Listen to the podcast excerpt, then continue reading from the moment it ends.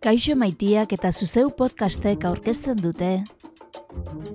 Kaixo maitia, zer duzu?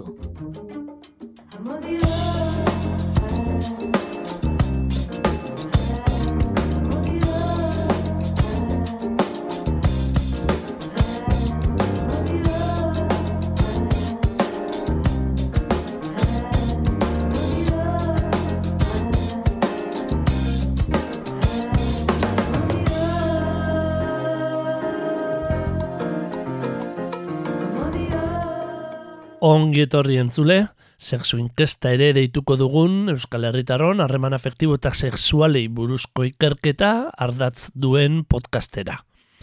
Lau ataletan banatua dago sexu inkesta, eta kaixo maitia, zer duzu?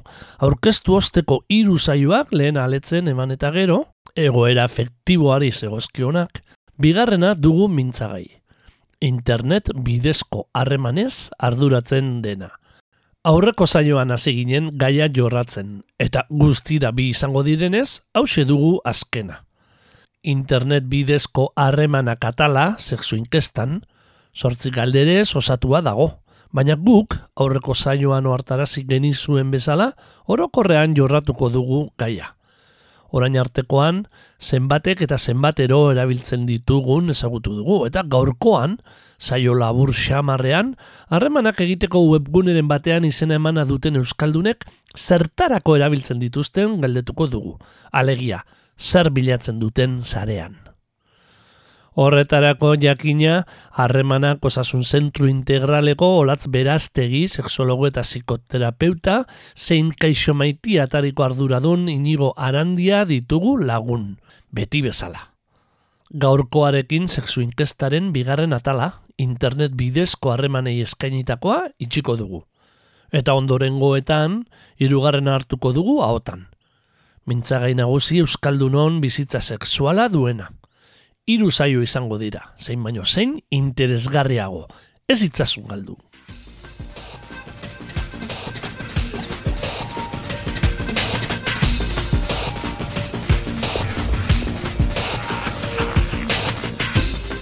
Errazioak.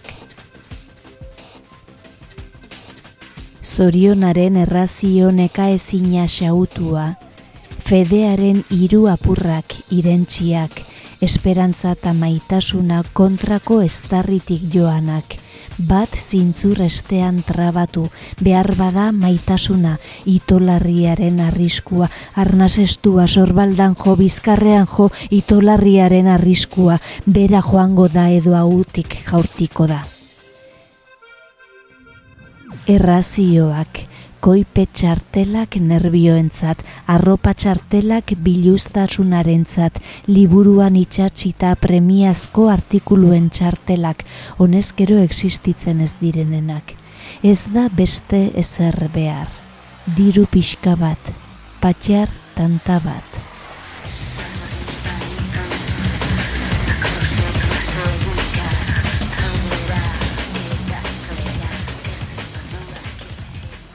Gaurko zaio aurkeztuta eta azpitik gozeren musika zuela, Ingeborg Batxmanen errazioak entzun dugu. Nagore tolosak euskaratua eta zuz argitaletxearen munduko poesia kaierak bilduman argitaratua. Eta orain bai, pres gaude gaiari heltzeko. Ustel duzu internetek harremanak errasten ligatzen laguntzen duela? Galdetzen du sexu inkestak. Hoi baino erantzun gutxiago jaso ditu galderak mila lagun ingururena, baina gehiengoa guzte du laguntzen dutela, nabarmen gainera. Euneko laro zeiak dio baietz. Eta gutxi dira, euneko bederatzia baino ez, harremanak egiteko orduan internetek ez duela laguntzen uste dutenak. Eta gainera, gaizki ulertu ez badugu, horrela uste dutenek zoriontasun sexual basua dute orokorrean.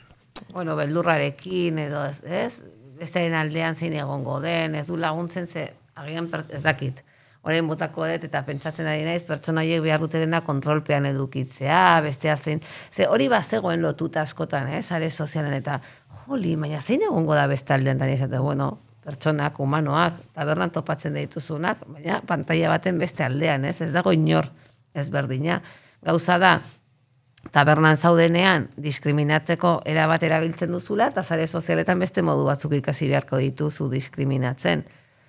Dena den datu hori, ez? Gehien askok pentsatzen dutela baliogarria dela interesgarria da. Zen ikuste dut orain dela urte batzuk, hori ez dela hain argi adieraziko. Zan edo sare sozialak izan dute, ez? Olako ba, ikuspuntu negat, bai, bai, bai, bat, bai. estigma bat, ez? Eta oraindik ez, badiru, ez? E, Bai. erromantizismo hori e, ez balute edukiko, Mhm. zerbait txarra izango balitz, ez? Ni beti izaten du, nire lagun batek beti izaten du, zuko posaketa bat ikasten baldin bazaude, eta zuk esaten duzu, ba, asko ikasi duzula, eta horretan, ez, ari zarela, hori baloratua dago gizartean, ez? Zerbait lortu nahi duzu, eta langilea zara horretan.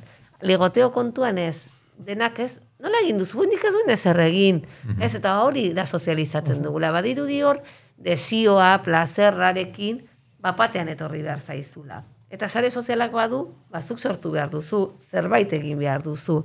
Eta hori guztia estigmatizatuta dago. Baina, pozten naiz, denak sentitzea baliogarri dela. Horrek esan nahi du aldaketa bat badagola.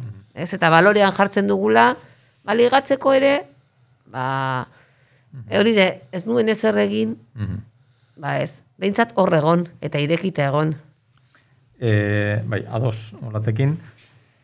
Erantzunen kopuruaren, bueno, ia mila pertsonak erantzun dute, e, nik uste hemen badagola, e, jende askok ez du erantzun, ez du lako parte hartu, hau da, gutxiengoak dierenez, interneten parte hartu dutenak, ja. e, uste galdera hauek saltatu dituztela, ez ez dia derrigorrezkoak erantzutea galdera hauek, e, saltatu dituztela bere, burua identifikatu da sentiten, sentitu ez dutenak. Batez ere, e, nik uste tortika, hau da, atal hau, bai da galderak, osea, er- erantzun gutxien izan ditunak, internet bidezko harremanak, hain zuzen horregatik batzuk ez dutelako ikusi bere burua hor eta saltatu dutelako atala. Bai?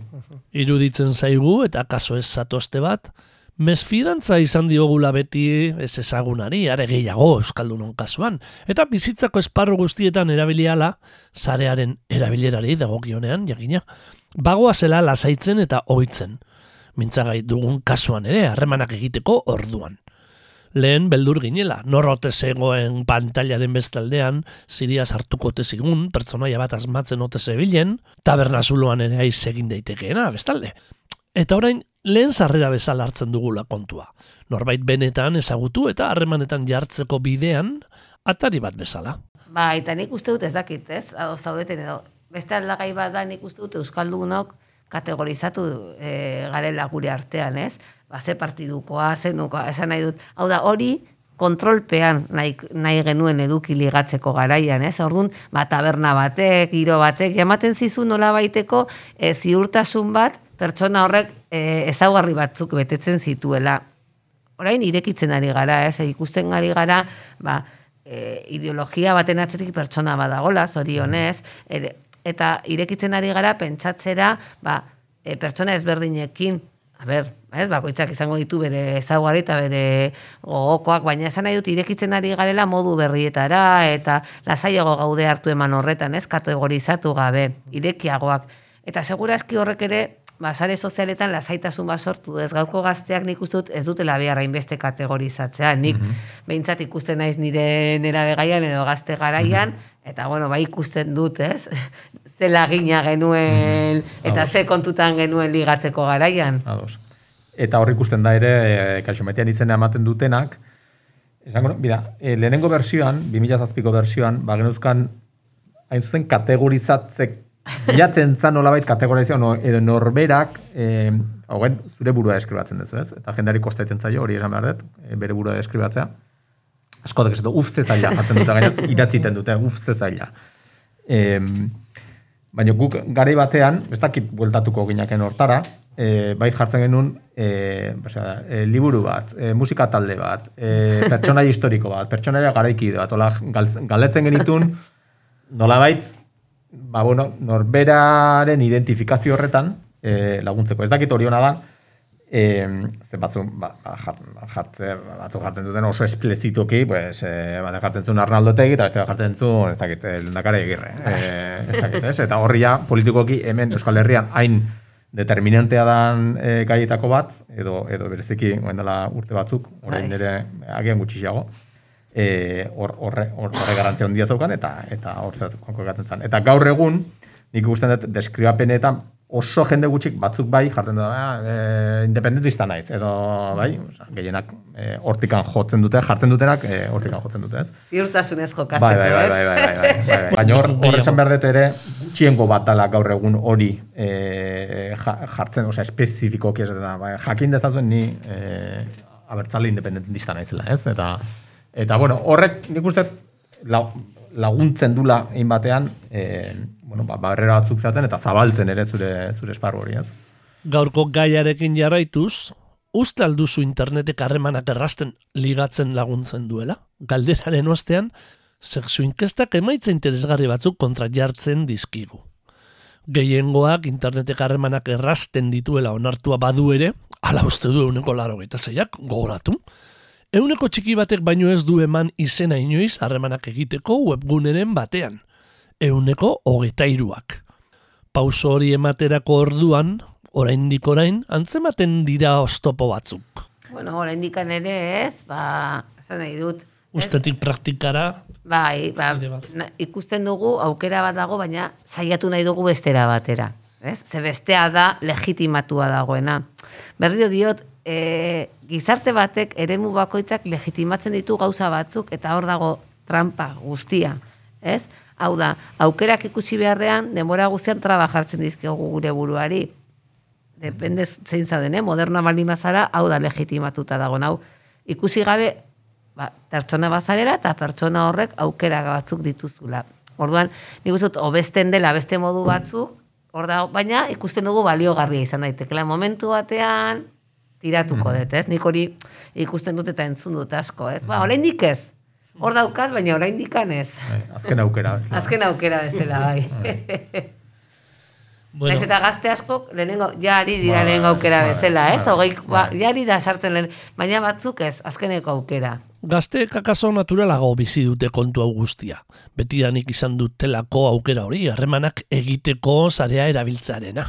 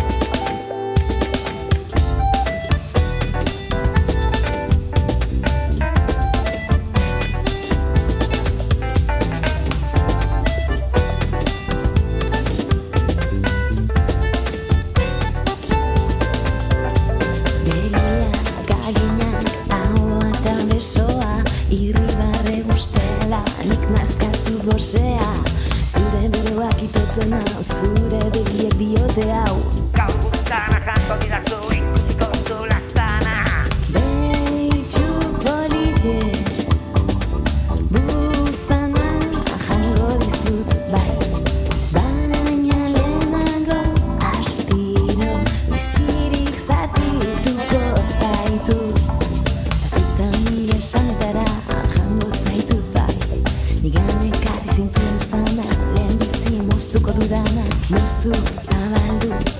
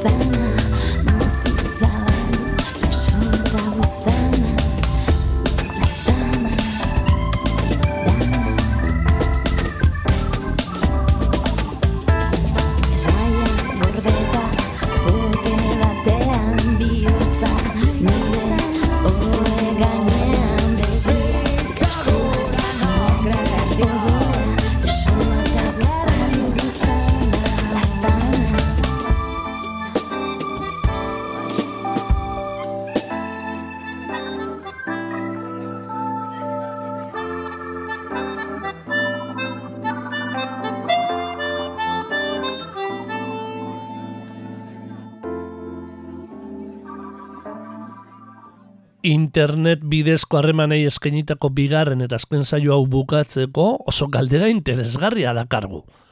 Zer bilatzen duzu harremanetarako webgune batean? Hauexek dira aurkezten diren erantzun posibleak. Gehien hautatu direnetatik gutxien hautatu direnetara errenkadan izendatuak. Sexua, epeluzerako bikotekidea, kuskusian ibili besterik ez, maitalea edo adizkidea.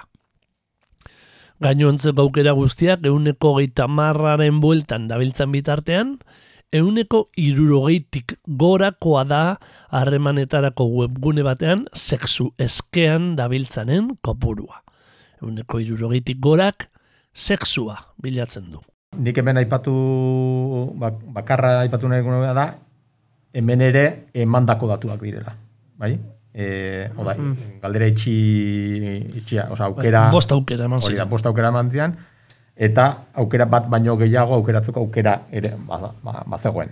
E, hori hori da aipatu nahi nua, nuena, eta bueno, hemen nabarmenik ikusten da sexua dala lehen, lehen, lehen, lehenengo aukera nagusia sexua dala. E, hemen aipatu ere, neiko, baiz, 2006ko datuekin ere asko parekatzen dela, ez? Osea, e, baten bat aldatu da pixka bat, baina, baina bueno, lehenengoa sexua da, batez ere gizonezkoetan, baina lehenengo aukera da ere emakumezkoentzat. Osea, e, pentsa dezakegu edo aurriku e- edo edo bai pentsa dezakegu kasu askotan ba gizonezkoa behatzen bilatzen dutela gehiago sexua bai baina emakumezkoen Bai. lehenengo aukera ere sexua da e, behatzen dutena bai Inigo Arandiak ondo egin du kontua argitzen. Aukera bat baino gehiago hauta zitekeela esaten, alegia. Ez baita gauza bera esaterako epeluzerako bikotekidearen edo sexuaren artean bakarra aukeratu beharra. Edo biak aukeran izatea. Bai, hori da, ez? Aukera bat baino gehiago da, guztiak, ez? Gehigarriak dira. Dena den, ba, segurazki baita ere berriro, ez? E, sare sozialak ez diogu lotzen, a, badirudi bikotea osatzeko beste, ez txispazo bat, edo beste struktura bat behar dela bestearekin eraikitzeko. Eta, e, agian, lehenengo aipatzen dugu sexua, ze erresago egiten zaigu sare sozialen bidez sexua. Ze hori bai, hori beti bilatzen dugu, eta sare sozialetan, ez? Erresago egiten zaigu. Zailago egiten zaigu agian irudikatzea bikotea izan daitekela, ez nola. Hemen ez ezagun bat eta bat batean bihur, e, ez? E, bikotea bihurtu behar da. Lehen esan dizuana, hau da, estrukturak, momentuak ezan nahi dutez, bikotek daukaguzo, ba, e, laranjardia, ba, ez, eta ez, ez gara laranjardiak, ja, ez gara, pertsona osoa gara, baina bestearekin bilatzen dugulako afinidade euneko euneko bat, ez, eman behar dela. Eta orduan hori, iruditzen zaigu, erresagoa dela, ba, kalean, zure inguruan topatzea. Ez? Guzti horri buelta eman eta gaizto xamarra izan da, esan daiteke kalean idealizatutako zerbaiten bila gabiltzala akaso. Eta zarean aldiz, argi eta garbi, praktikoagoak garela. Claro, horregatik leno ere ikusten zen baliagarria zela. Praktikotasuna ikusten diogulako, baina praktikotasuna beti ez dugu lotzen ere erromantizismoarekin, eta praktikotasun ere interesgarria da oso. Eta bat, horrek ez dauka ezer ikusirik ondo funtzionatzen bestearekin, eh? Praktikotasunaren bidetik itxiko dugu bada gaurko saioa, eta honekin sexu inkestaren bigarren atal osoa. Internet bidezko harremanei dagokiona. Guztira sortzi galdera jorratzen dira atal honetan. Guk orokorrean hartu ditugunak bi saioetan zehar. Sexu inkesta zehatzago ezagutu nahiko bazenu entzule, badakizu ubebikoitza ubebikoitza ubebikoitza kaixomaitia.eus atarian eskuragarri duzula 2008ko Euskal Herritarron harreman afektibo eta sexualei buruzko ikerketa, bere osotasunean. Gaurko saioa bitan banatuz, goze taldearen mantiz atea entzun dugu, eta jarduna bukatzeko bondage entzungo dugu. Mil urteko honen lehen amarkadan sortutako taldea da goze. Inez Osinagak eta Iñaki Bengoak Tadeosekin aurrena eta Osoronekin gero osatua. Trikitia eta elektronika ustartzen zituena. Irukoteak 2000 eta bostean plazaratu zuen debut lana. Eta markada batez bost lan luze eta hiru lan berezi plazaratu zituen. Eutzi filmaren soinu banda, makina bat musikariekin osatutako diskoa eta sarrionein diaren hitzekin osatutako lana. Lehen diskokoa dute bondage. Laburrean esan da, bikotekidea lotzearekin zerikusia duen praktika sexualari buruzko kantua.